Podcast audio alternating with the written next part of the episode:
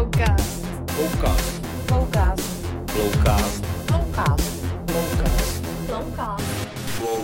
Dobrý den, v dnešním Flowcastu vítám Patrika Nachera, pražského zastupitele a poslance parlamentu České republiky, který je na veřejnosti známý mimo jiné jako autor ankety o nejabsurdnější bankovní poplatek, čili člověka, který předtím nešel do politiky bojovat za práva, práva občanů. Na jejich straně už dlouhodobě hlavně proti nespravedlivým poplatkům některých bankovních institucí už dávno bojoval. Patriku, dobrý den.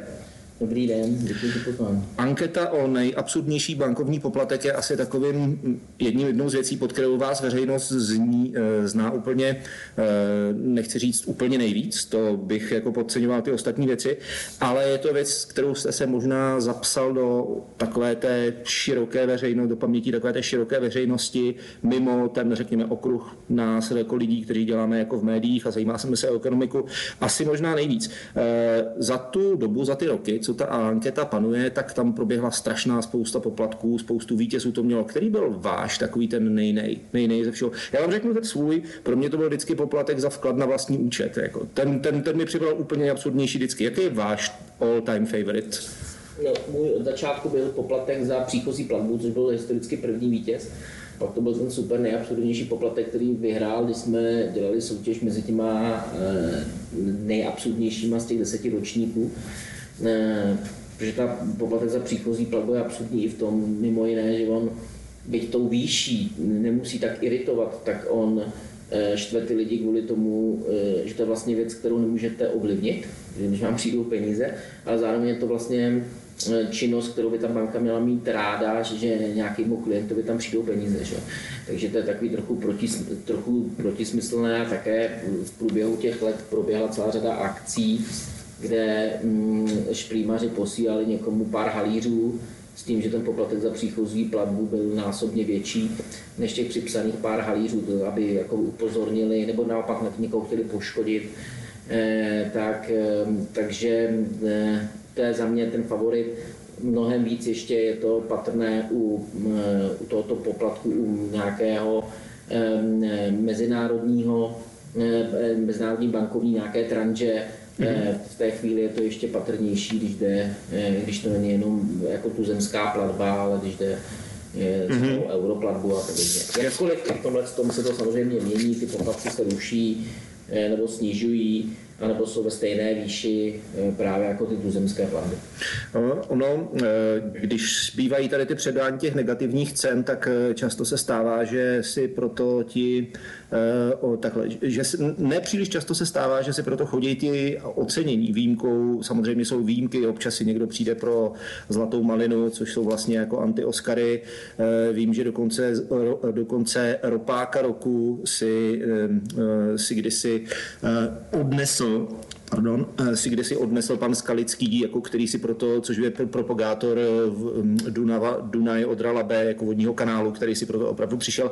Jak ale s váma potom jako spolupracují ty banky? Reagují na to nějakým způsobem, nebo e, stalo se vám, že třeba jako vyhlášení, když někdo získal tady tu cenu za o nejabsurdnější bankovní poplatek, že na základě toho se něco změnilo? Tak určitě, my jsme to, nebo já jsem to jakoby, jako člověk pozitivně myslící nechtěl mít jako jenom negativně, e, negativní aktivitu, ale jako spíš takovou, řekněme, osvětovou záležitost nebo takovou záležitost, řekněme, motivující ty lidi, aby se podívali na ten svůj výpis účtu, aby případně, jak já tomu říkám, volili nohama, to znamená zmínili ten ústav tam, kde tu nejabsurdnější poplatek není, ale především my jsme nevyhlašovali, my jsme nevyhlašovali ten poplatek jako takový nejabsurdnější, nikoli tu banku, která jej má, to znamená, my jsme to jakoby odosobnili, když to takhle řeknu, nebo odinstitucionalizovali, aby bylo úplně přesnější. To znamená, nešlo nám o nějaké upozornění, že ta banka, která nějaká, o nějaká má ten nejabsurdnější poplatek, protože často ten nejabsurdnější poplatek byl zejména na začátku napříč tím celým spektrem všech těch bank, takže to mm-hmm. ani nedávalo žádnou přidanou hodnotu, ale šlo opravdu o upozornění toho nejabsurdnějšího poplatku jako takového.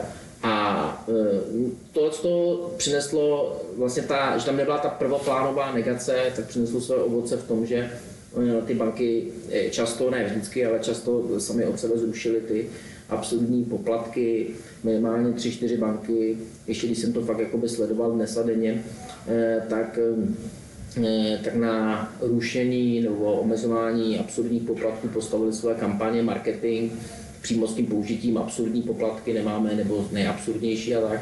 To znamená, že si myslím, že to zarezonovalo a pro mě to je jakoby sympatický, že ty banky, jak jsou jako obr a ten klient je takový mravenec, tak eh, že vlastně vnímají tenhle ten feedback z toho trhu. A za mě to je vždycky tohle lepší cesta než nějaká regulace.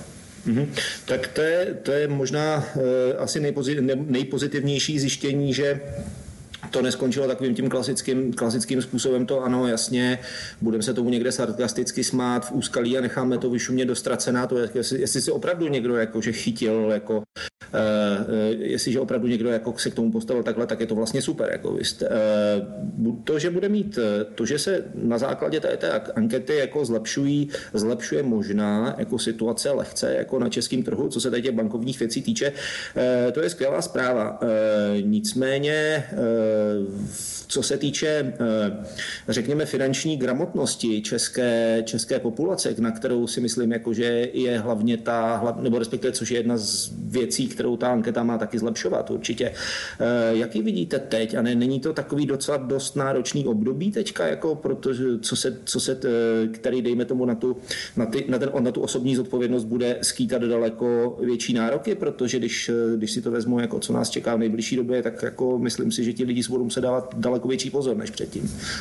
Jenom tak s tou finanční gramotností, mimochodem já jsem vedle toho, eh, vedle té ankety o nejabsurdnější poplatek právě eh, se snažil šířit a snažím eh, tu finanční gramotnost a, a takovou tu pozitivní praxi, aby ten web byl především jako pozitivní, nositel jako pozitivních nějakých vyústění, jo, aby to nebyla jenom jako kritika.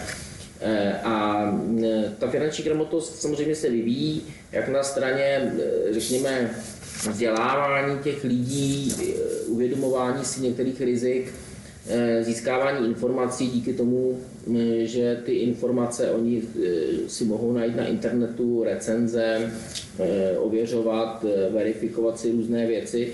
Tak, takže by to na první pohled vypadalo jako, že ta finanční gramotnost se šíří jako dobře, má to nějaký svůj efekt.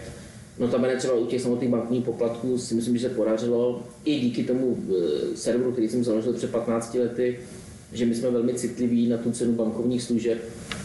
Eh, podle nějaké studie, tuším Ernst Young, před časem jsme nejcitlivější na celém světě. To znamená, eh, z toho já mám jakoby dobrý pocit a zároveň, že se to nemuselo dělat a nedělalo nějakou regulací, jo, nějakým jako nepřirozeným tlakem na ty bankovní instituce, které by se tím eh, jako šikovně vyhly, že by to naučtovali někde jinde a ještě by to svedli ne, na zákonodárce. Eh, a to je paradox, že já jsem vlastně jeden z nich, teďka zákonodárce a mám na starosti ochranu spotřebitele. Ale pokud jde o tu finanční gramotnost, tak, tak z hlediska tohle si myslím, že to prostředí se kultivovalo, ti lidé už jako sebevědoměji vědí, co, co chtějí, podobném, podobném oboru to vidíme třeba u operátorů s nějakým spožděním, když si podíváme na ten pokles těch cen, takový pokles poplatků, eh, do budoucna to můžeme vidět třeba u energetických společností a ochotě lidí jako prostě změnit eh, dodavatele energie. Na druhou stranu mm, eh, i přesto, že ty lidé to najdou na tom internetu, tak zároveň vlastně zase ti, kteří vás chtějí nějakým způsobem ošálit a obrat o peníze, tak mají zase mnohem sofistikovanější metody, než tomu bylo třeba před těma 15 lety, když jsem založil ten server. Eh, předtím stačilo často, bohužel, i špatnou češtinu, že vám přišel mail, abyste někam poslali svoje třeba mm, přístupové hesla. Eh, dneska už to samozřejmě takhle vůbec nechodí, na to už by se nikdo nenachytal. Dneska už jsou ty metody mnohem sofistikovanější, Eh, dokonce třeba několika stupňové, eh, jakože než se vám dostanou na kobylku. Eh, to znamená, že ghanské dopisy zdědil jste 2,5 milionu dolarů, to už nechodí? Ne, ne, ne, ne to, už, to, to se přece i tohle to se vyvíjí. Když bych měl dát jiný příklad, tak předtím skutečně ti lidé byli schopní se nechat nachytat a utrácet 10 tisíce za nějaké hrnce, Dneska mm-hmm. už zase se to posouvá úplně někam jinam, takže eh, hraje se na emoce, eh, ti hochštapleři se dostávají často do jakoby inzertní plochy oficiálních jakoby časopisů, e, seriózních, to znamená, že to na první pohled jako nepůsobí, jsou to různé, řekněme, doplňky nebo různé zázraky, které vám pomohou se zdravím. Teďka s tím koronavirem se s tím roztrhne do budoucna pytel, já už jsem zaregistroval někde nějaké lampy, které vám jakoby vyčistí prostor a podobně. To znamená, že e, i ta cena už není taková, jaká, jaká bývala, to znamená, že e, i s tou cenou vlastně ty mm, podnikavci, to nejsou podnikatelé, podnikavci jako to hrajou šikovněji. Předtím stačilo najít jednoho, který zaplatil 40-50 tisíc, dneska už je to po tisícovkách, takže to nepůsobí tak nápadně. Takže ono to všechno vyvíjí.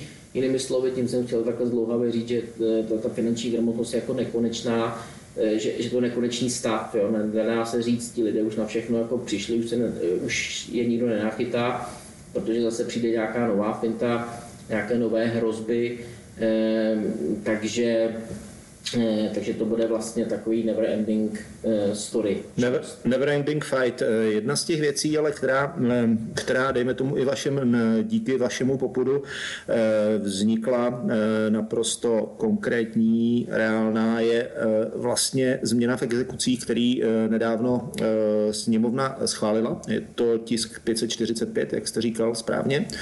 Eh, nebo Jarda, možná teď nevím. Eh, to znamená, to se týče chráněného účtu, insolvence, směrnice EU, prostě ochrana, věci, které se týkají ochrany spotřebitele. A já jsem se chtěl zeptat, co je to konkrétně chráněný účet? Já jsem, pokud jsem tomu správně rozuměl, tak je to účet, na který nemůže exekutor. Je to, je, to, je to tak správně? To znamená, peníze, které mi tam přijdou, tak eh, ty, ty vám nikdo nevezme? Já bych to jenom pro posluchače vysvětlil, protože byste tam, tam jste vlastně vzal tři věci, které spolu eh, jakoby souvisí obsahem, ale ne, ne procesně. Je to tisk 545, novela exekučního řádu, který řeší eh, nějaké další změny týkající exekuce, kde asi jakoby ta největší změna je um, zrušení marných exekucí, eh, kde se mění celá řada věcí, řekněme, já bych řekl, kultivuje se to, kultivuje se to prostředí, změní se pořadí splácení, eh, splácení v případě, že to příslušenství přesáhne nějakou míru té, té jistiny, je to tzv. milostivé léto kolegy Výborného, který řeší vlastně možnost eh, jednorázově ukončit to zadlužení vůči veřejnoprávním subjektům tím, že zaplatím jenom jistinu a nějakou základní, eh, základní náklad na, ne, pro exekutora a my jsme z té 545 právě vypreparovali ten chráněný účet, který byl původně jeho součástí, protože se dá projednávat izolovaně samostatně. Nakonec se to ukázalo jako velmi efektivní, protože ta 545 je vlastně velmi jako eh, taková jakoby nafouklá eh, novela robustní, to znamená, je tam 30 asi pozměňovacích návrhů, takže to projednávání trvá jako velmi, velmi dlouho hraje se tam i o tu teritorialitu a takové ty věci. Eh, takže my jsme se rozhodli s Katrinou Valachovou, že to vezmeme bokem, to se podařilo a první tři čtení máme za sebou, přičemž ta 545 je zpátky vrácená vlastně, nebo zaparkovaná ve druhém čtení a teďka legislativci dávají dohromady všechny ty přijaté pozměňovací návrhy ústavně právního výboru. Ten chráněný účet, zjednodušeně řečeno, také vyplývá z jeho názvu, dělá to, co by člověk logicky si řekl, že by mm, ani se dělat nemuselo, protože to vyplývá z nějaké elementární logiky, to je chrání nezabavitelnou částku, mm, kterou jsme mimochodem třikrát eh, zvýšili v, tom, eh, v tomhle tom roce. Jedno z těch zvýšení je na můj poput, kdy se změnil ten výpočet nezabavitelné částky. Kdybychom chtěli do detailu, můžeme, jak se to vypočítává. A stávalo se často, že když měl někdo dvě a více exekucí u různých exekutorů zejména, tak se stalo, že měl nejdřív exekuci na plat a když mu něco přišlo na účet, tak mu to zabavil jiný exekutor. Takže on tam neměl tu chráněnou vlastně částku, pak se druhotně dostával do dalších problémů, neměl na nájem, na nějaké další e, svoje povinné platby a v té chvíli se znovu půjčoval. To znamená, že pro takového člověka je to pak neřešitelné. On nějakým způsobem se snaží řešit toho aktuálního věřitele, a vlastně mu vznikají permanentně noví věřitelé. Nový a nový dluhy, jasně. E, a, a tak, přesně tak. To znamená, že v tuhle, chvíli, v tuhle chvíli mu tam vždycky zbyde něco, na co ten exekutor takzvaně lidově řečeno nedošáhne. Ano, no, tak ten, ten, na, na tom je to, na, na to je princip, který vlastně umožní, aby lidé mm, nechodili do šedé zóny. To je úplně jednoduché, protože v momentě, kdy vám nezbyde nic a všechno je vám zabaveno, tak v té chvíli nemůžete žít, nemůžete platit, jak říkám, nějaké základní svoje výdaje a jdete do šedé zóny. A když jste v šedé zóně, tak z toho nemá nikdo nic. Mm-hmm. Věřiteli se nevrací nic, stát, státu nejde daně, sociální zdravotní pojištění a konec konců dlouhodobě um, utrpí i ten dlužník, protože až pak jednou někdy pojede do důchodu, tak zjistí, že má nějaký minimální důchod, protože se tam vlastně vůbec nebyl v tom systému. No a to chráněný účet, kromě té ochrany samotné, tak je vlastně prevence, aby lidé zůstali v té oficiální zóně, protože budou mít chráněnou částku, eh, která je nezabavitelná, jak vyplývá z jejího názvu, a v České republice se zabavovala. No, tak eh, je to takový kulatý čtverec, já to horko těžko vysvětluji lidem eh, na Facebooku, kteří se mě na to ptají, proč to vlastně jako je, jak může něco, co se jmenuje nezabavitelná částka být zabavena, tak jak vidíte, může, to už jako, to je potřeba se podívat zpětně na moje předchůdce, ve sněmovně, tak jak vznikal eh, exekuce v roce 2001, jak se vyvíjely. Myslím si, že za posledních 10 let nebo možná 5 let se to prostředí velmi, velmi kultivovalo. Ehm, změnilo se 5, 6, 10 zákonů, které mají přímou nebo nepřímou souvislost od exekučního řádu přes insolvenční novelu, přes energetický zákon, zákon o spotřebitelském úvěru. To všechno kultivovalo to prostředí, že už dneska prostě není možné, aby z dluhu tisíc korun bylo 20 tisíc Eh, aby odměny advokátů nebo exekutorů jakoby vysoce převyšovaly tu jistinu. To se všechno jako kultivovalo, trvalo to hroznou dobu. A teď jakoby mým cílem je, aby se to zase nepřepálilo na druhou stranu eh, a nevznikl tady nějaký milný dojem, že prostě dluhy se neplatí a že vlastně co dlužník, tak to člověk, který je tam omylem a co věřitel, tak to s proměnutím hajzl, protože takhle černobílý ten svět není. On je jako mnohem košatější, barevnější a, a to já tam o tom budu vždycky snažit, byť samozřejmě ty, co hájí vždycky tu jednu nebo druhou stranu, tak to pro ně je jakoby nepříjemné a pak jako útočej i na ty politiky a podobně. Mm-hmm. Ono, eh, jak na tuhle situaci potom reagovali třeba exekutorská komora, nebo respektive dokážu si představit, že tohle, nebo že smysl té novely je takový, že ti lidé by ve finále měli zaplatit míň, nebo i jinak. Neměli by ten svůj původní dluh tolik přeplácet, pokud tomu správně rozumím. To, že spousta exekutorů jako žije právě na tom přeplácení, jako těch dluhů, že žije na poplacích pro exekutory, to ten nový zákon řeší, nebo respektive respektive ta novela, ten tisk 545, to zřeší také nějakým způsobem, nebo ne?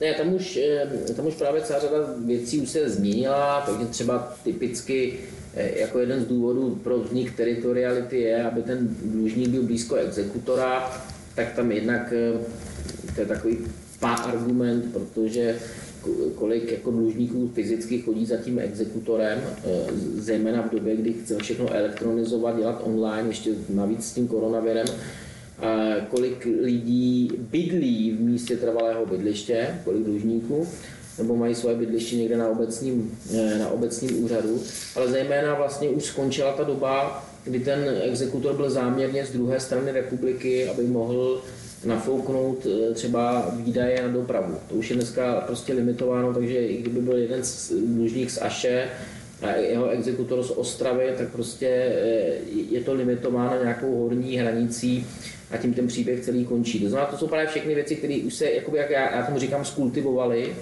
Eh, mě mrzí, že to trvalo tak dlouho, ale říkám, to je potom dotaz na, na moje předchůdce, jak je možné, že to nechali dospět do této fáze, kde my jsme naopak jako, kde hrozí že by se ty exekuce změkčovaly až tak moc, že se těm lidem vyplatí do insolvence.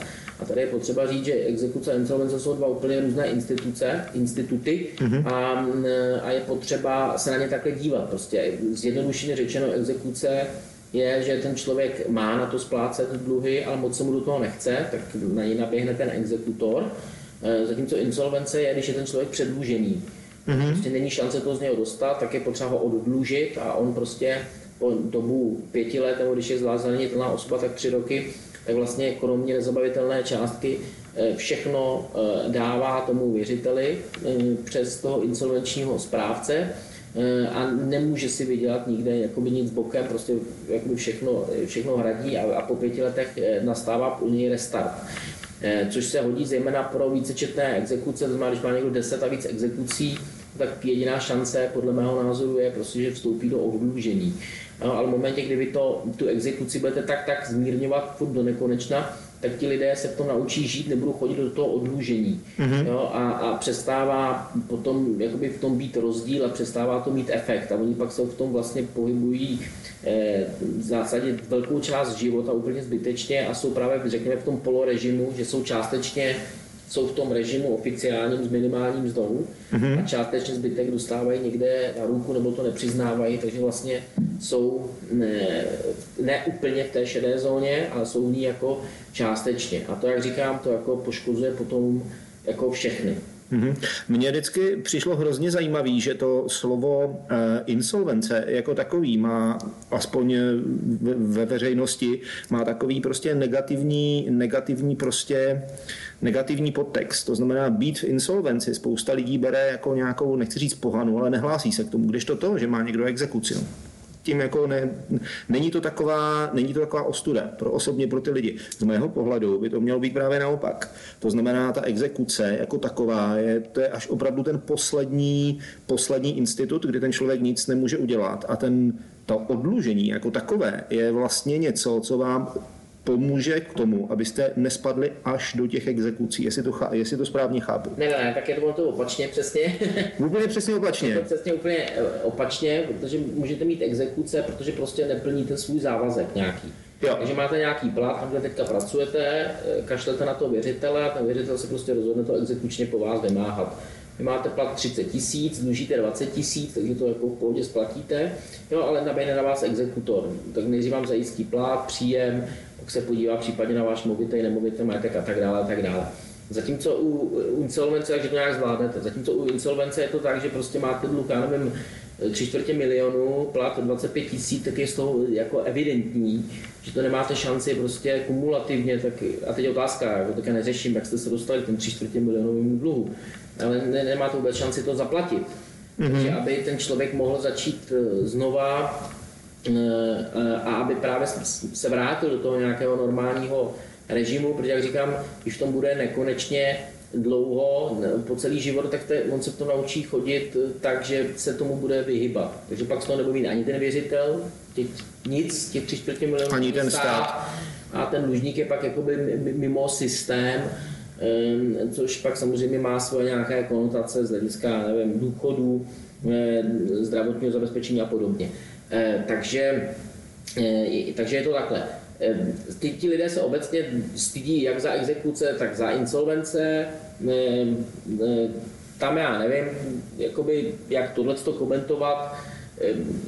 Ta psychika v tomhle tom hraje jako velkou, velkou roli. Na druhou stranu, pokud se to stane jako mimořádně, mm. tak se to prostě může stát každému. Někdo se do, té, do toho odlužení dostane třeba špatným podnikatelským záměrem, Eh, spousta osoboč, spousta podnikatelů mají krach, prostě jim to nevyšlo. Mm-hmm.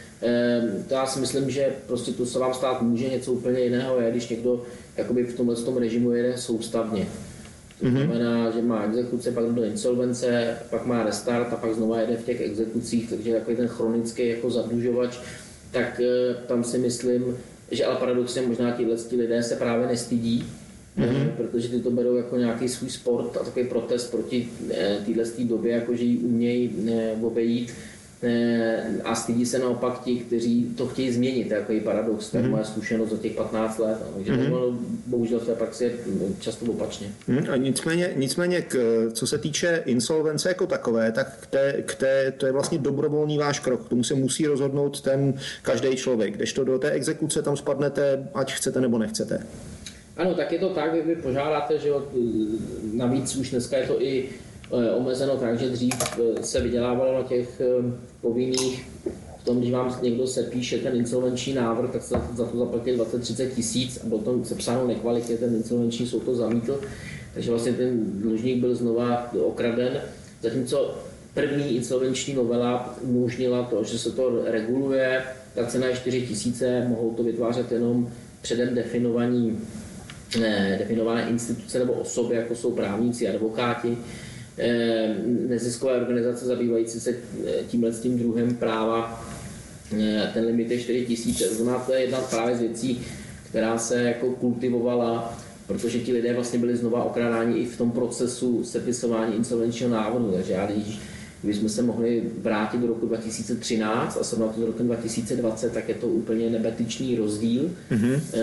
A také se třeba na, to, na tu problematiku dívat. Mm-hmm. Mám pocit, že někteří eh, kteří právě navrhují ty jednostranné kroky ve prospěch dlužníků, eh, tak jako zamrzli a dívají se na to optikou roku 2013. Jo? My jsme skutečně někde, někde jinde a má to nějakou setrvačnost. A první roky 2018, 2019 byly poprvé po 20 letech fungování exekucí u nás, kdy počet eh, nově, eh, nových exekucí byl nižší než počet uzavřených. To znamená, že celkový počet klesl. Ten počet exekucí klesl tyhle ty dva roky. Mm-hmm. To se stalo poprvé. Takže vlastně jsme se po 20 letech, no bezmála, dostali do toho přirozeného jevu, protože jinak kumulativně tady máme 4,5 milionu exekucí. To, je, to znamená každý druhý v podstatě, když se to vezme no, kolem jako průměru. Každý by měl jednu exekuci, na těch exekuovaných je 750 tisíc. Mm-hmm. Já bych to samozřejmě hrozně rád probíral jako velmi dopodrobná, ale máme podle toho, co tady vidím, tak 12 minut ještě, takže já přejdu k těm pražským věcem. Vy jste, vy jste kromě toho, že eh, kromě toho, že jste poslancem parlamentu, autorem eh, nebo respektive majitelem, autorem publikační činnosti na serverech souvisejících s bankovními poplatky a s ekonomikou vůbec, tak jste taky pražským zastupitelem a ti lidé, nebo respektive ten, ty subjekty, které budou příští tý rok na tom finančně byty, to jsou nejenom jednotlivci, jsou to taky města.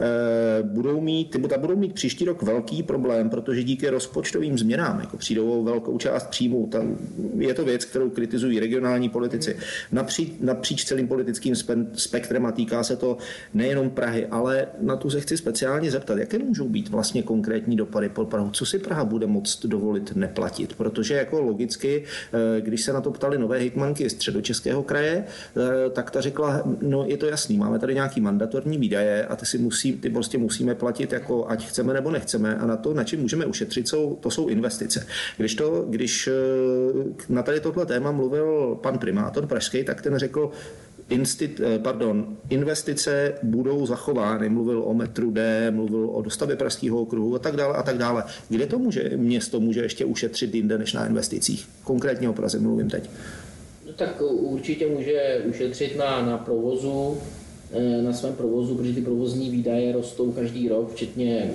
provozní výdajů za poslední dva roky eh, nové koalice. Eh, tam samozřejmě to, to má i politický rozměr, protože často ti komunální politici, kteří jsou třeba zároveň i poslanci nebo senátoři, tak volali po různých opatřeních eh, kompenzačních a podobně ve prospěch OSVČ, podnikatelů, eh, nájemné, antikovid eh, a tak dále a tak dále.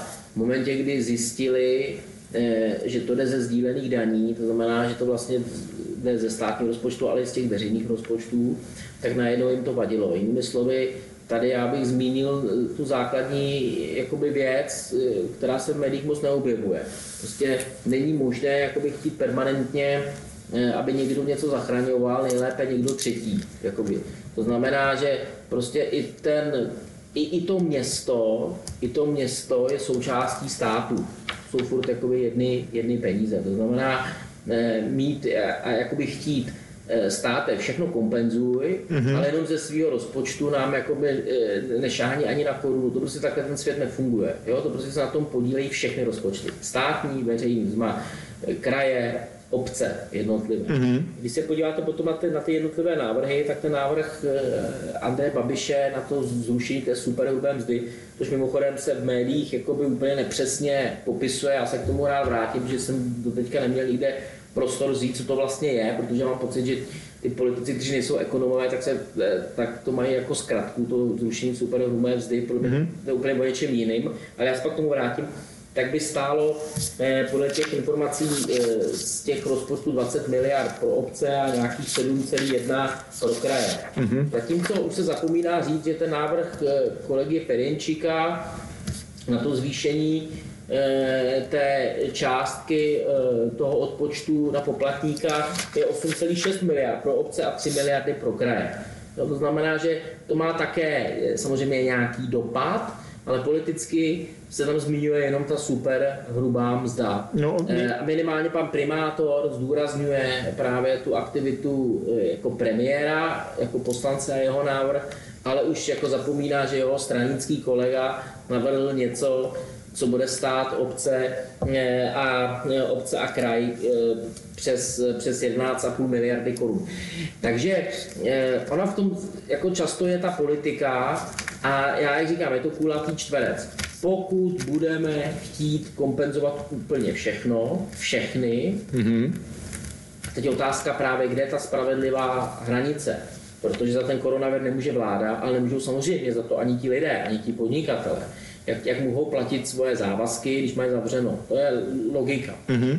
Na druhou stranu máte pak tady obory, které prostě eh, právě bis major, nějakou třetí silou, kterou neovlivní člověk, eh, tak je asi už těžko obnovíte. Tak je otázka, jestli, jestli máme uměle udržovat některé obory, třeba související s cestovním ruchem. Prostě je úplně jasné. Průvodce třeba. Ne, tak, jo, já jim jako rád po, jako chci pomoct, jako lobuju v úvozovkách kolem toho na úrovni celostátu i Prahy, podařilo se fakt jako na obou dvou, v obou dvou místech jim nějakým způsobem pomoct.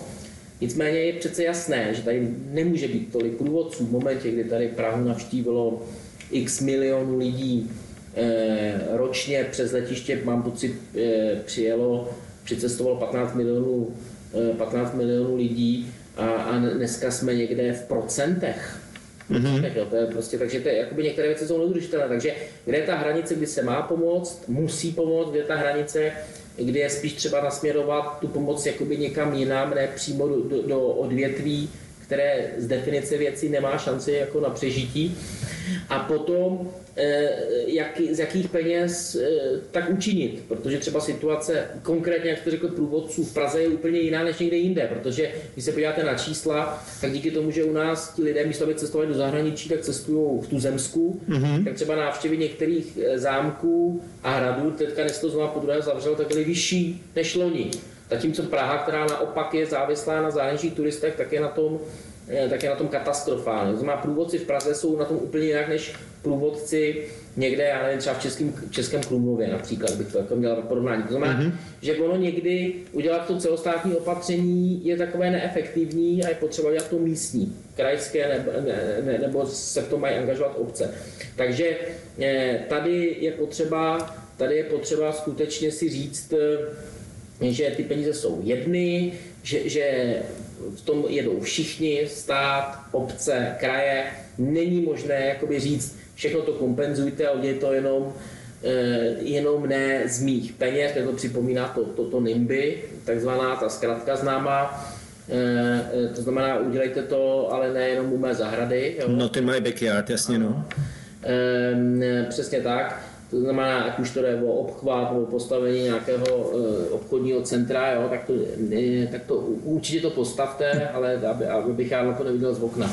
A tady určitě to zachraňte, ale ne z našeho rozpočtu. Mm-hmm. No a pak, když se tak děje, tak pak zase ta vláda je kritizovaná eh, za rekordní schodek.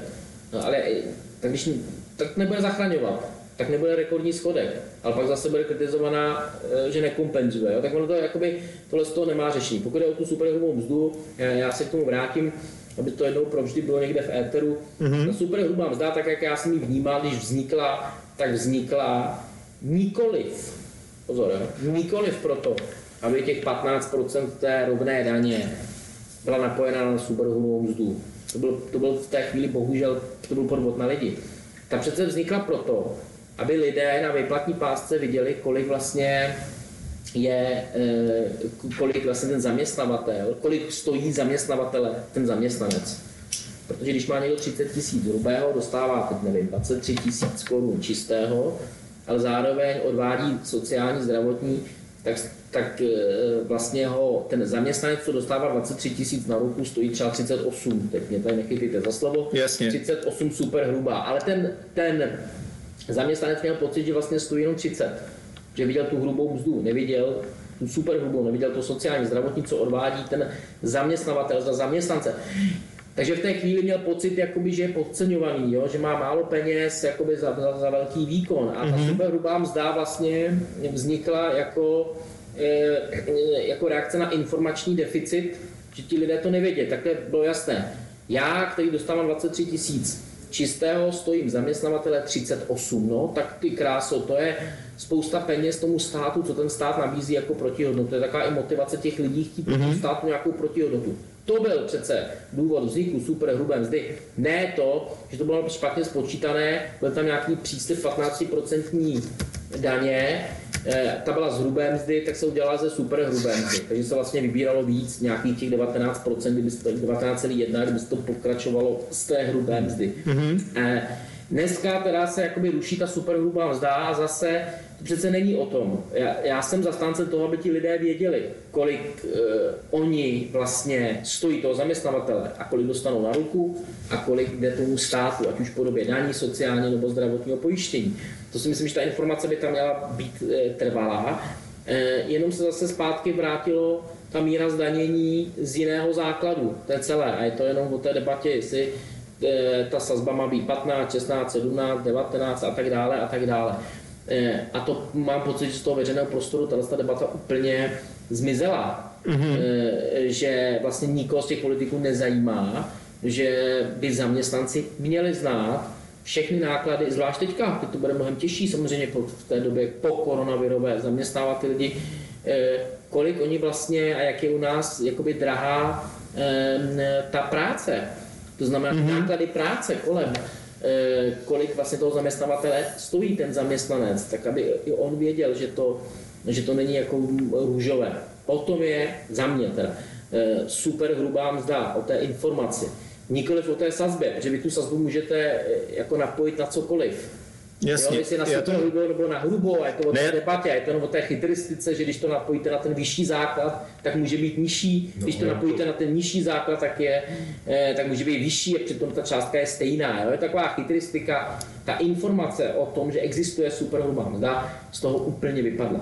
Mm-hmm. No ale to přece udělal Miroslav Kalousek proto s tou super hrubou mzdou, protože se blížila krize a před ním přece tlustý blbnul s tím kolečkem, jestli si to pamatujete, jak, jak byly volby 2006 nebo 8, 6, myslím. Ne, ne, ne, teď jsem. On chodil s tím kolečkem tlustý, který chtěl být minister financí a pak ho vykopnul to Polánek a museli vymyslet, aby ten stát neskrachoval, protože už šli, že jo, mm-hmm. už šla krize tak jak těch 15% opravdu udělat, takže oni ty lidi fakt oblbili tímhle. No. Jo? Ale ukázali jim zároveň, kolik stojí, což je, je pravda. No. A no, jasně, řekli, ne. že to zruší, až, ne, až v krize přejde, a ono začala nová. Oni prostě slíbili rovnou dát 15%. Mm-hmm. No.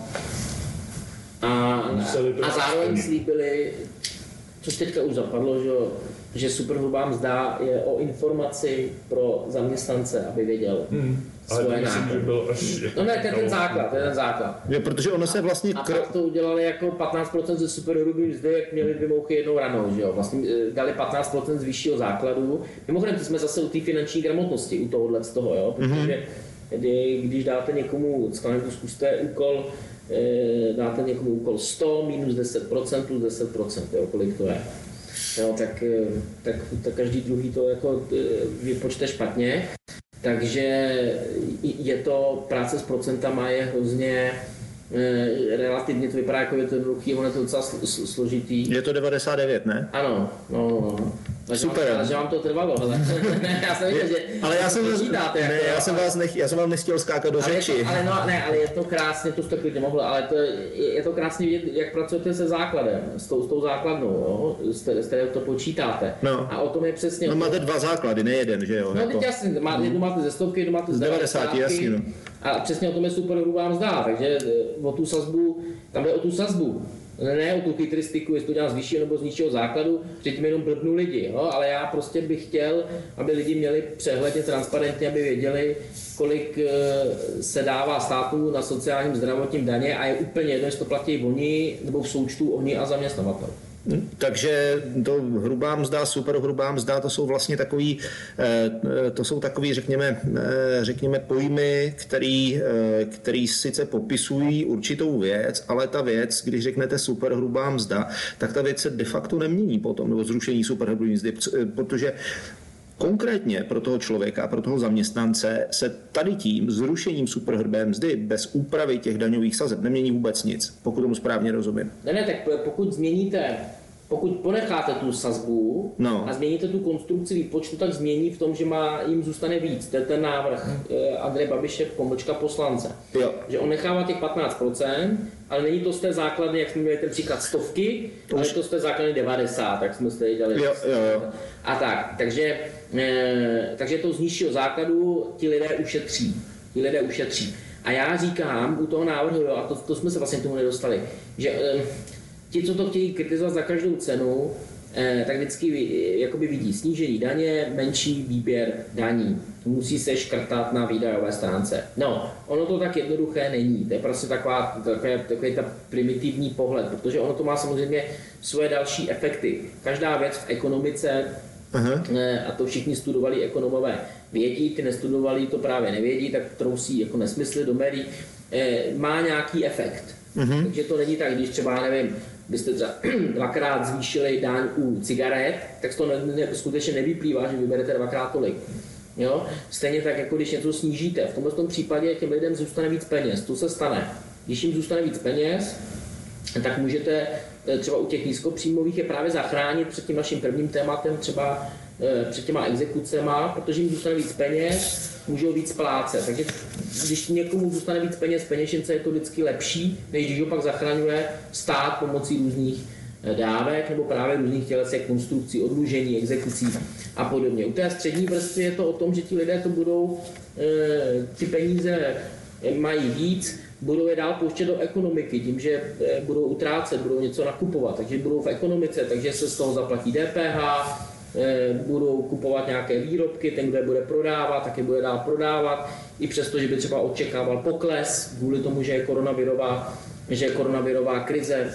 Mm-hmm. To znamená, že tím vlastně můžete jakoby rozhýbat tu, tu ekonomiku. Nemluvě už o tom, že tím, že zůstane těm lidem víc peněz, tak vlastně je menší tlak na zaměstnavatele, aby zvyšovali mzdy. Mm-hmm. Znamená, zaměstnavatele ušetří za zvýšení mest. Tak když ušetří, tak budou méně propouštět.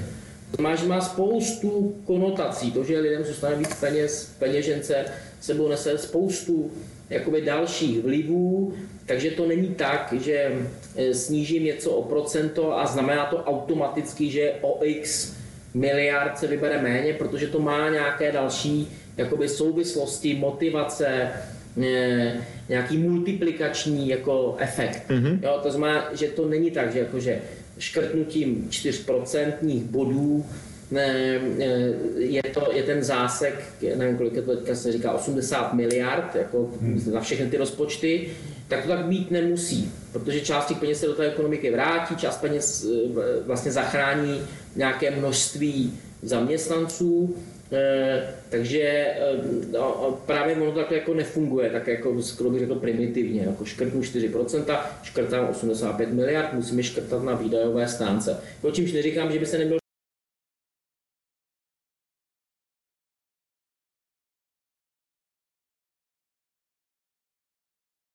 S tím budou i ti živnostníci, ne? No. A. Že se jim to přidaně říkám. že to není, fakt jako to není jednoduchý, jo. Vůbec to není jednoduchý. Dobrý, už Jo, není to jako černobílý.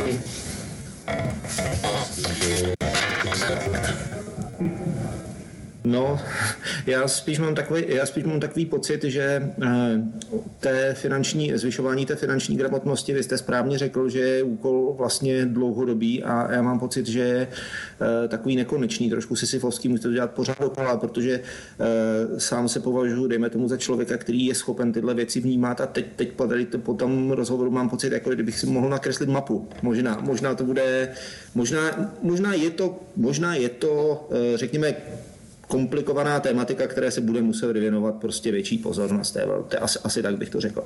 Nicméně chci se zeptat, vy jste uh, nedávno rezignoval, vrátím se k Praze trošičku, ještě dvě teda otázky, jednu pracovní a jednu soukromou. Uh, vy jste nedávno rezignoval na předsedu klubů zastupitelů ANO.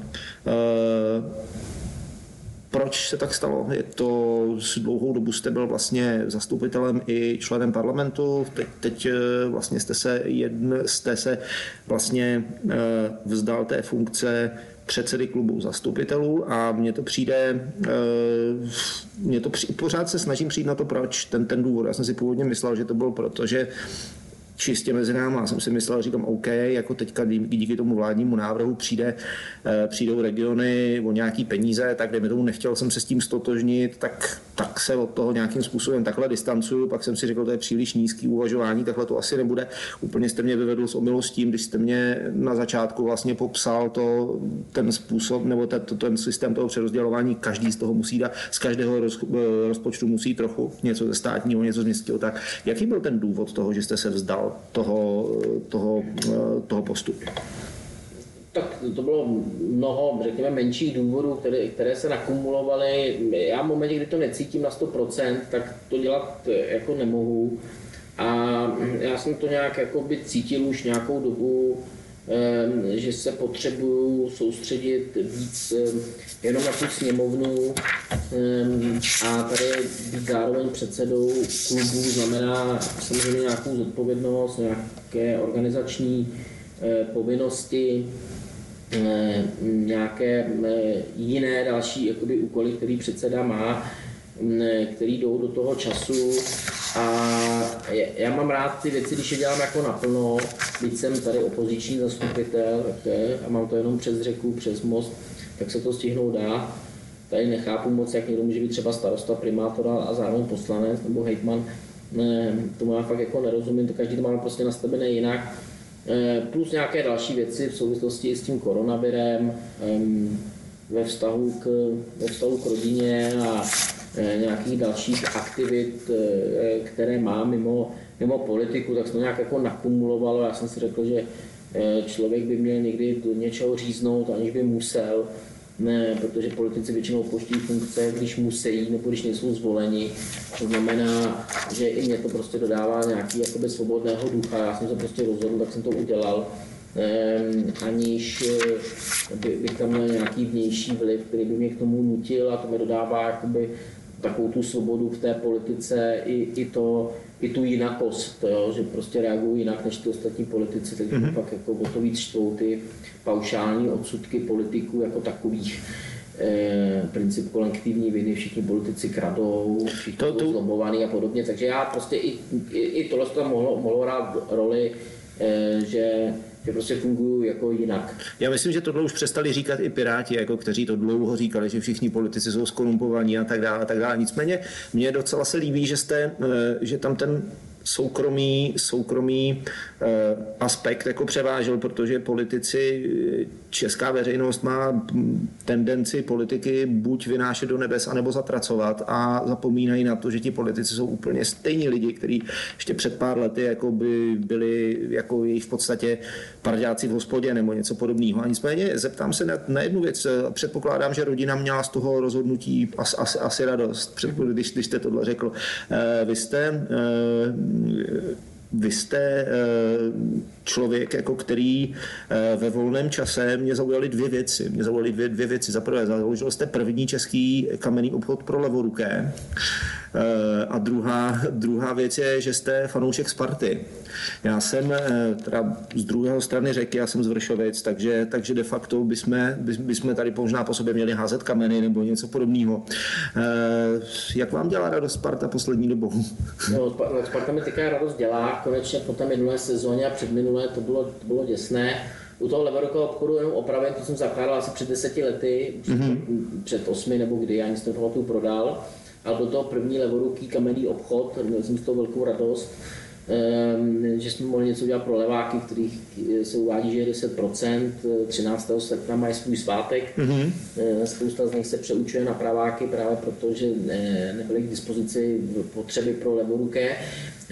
A pokud jde o to, tak Sparta teďka jede, teďka dvakrát v Evropském poháru vyhrála 4-1, takže to se vůbec nedá srovnat s tím trápením z toho minulého období, kdy prohrála v některých, teď urazím mimo Pražské, tak se omlouvám, provinčních městech někde za Prahou a, a Sparta tam dostala nakladačku, to jako neočekávaně.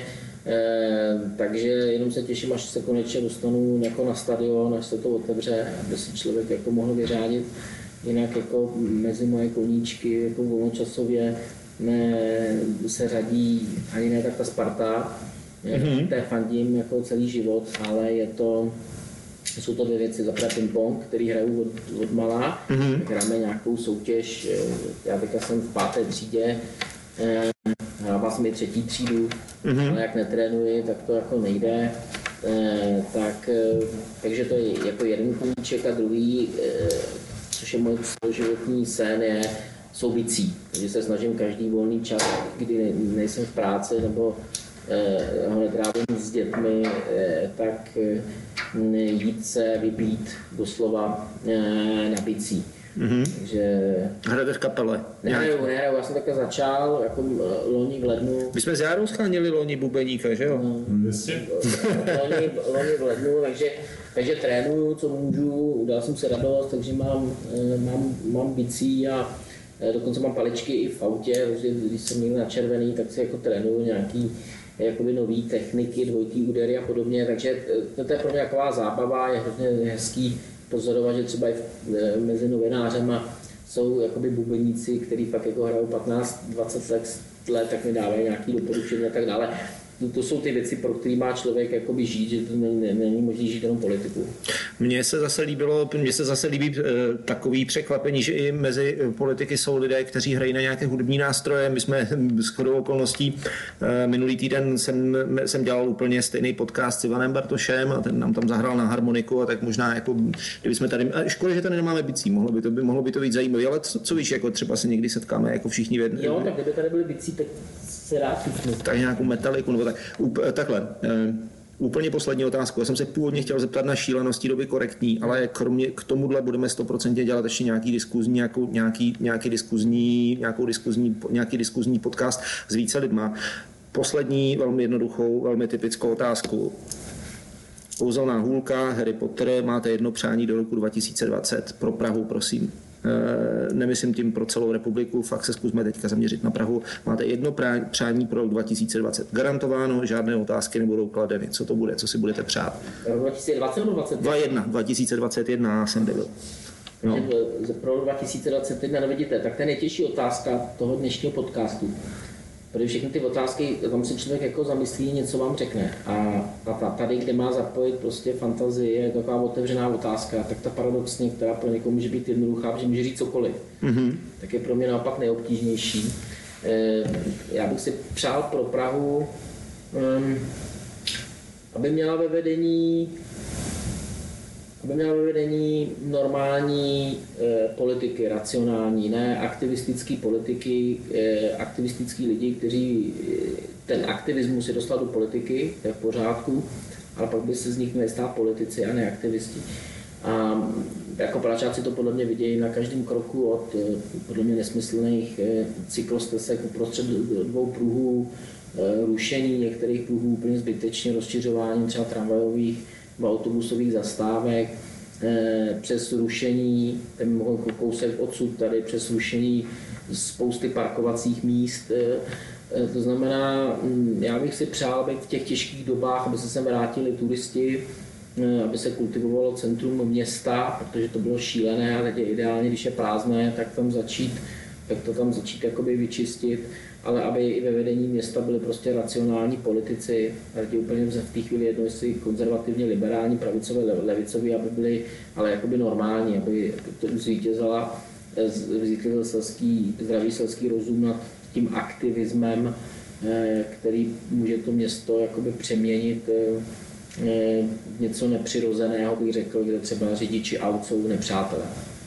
Super, já moc krát děkuju. Takže eh, děkuju teda Patriku, eh, že jste si dneska udělal eh, čas.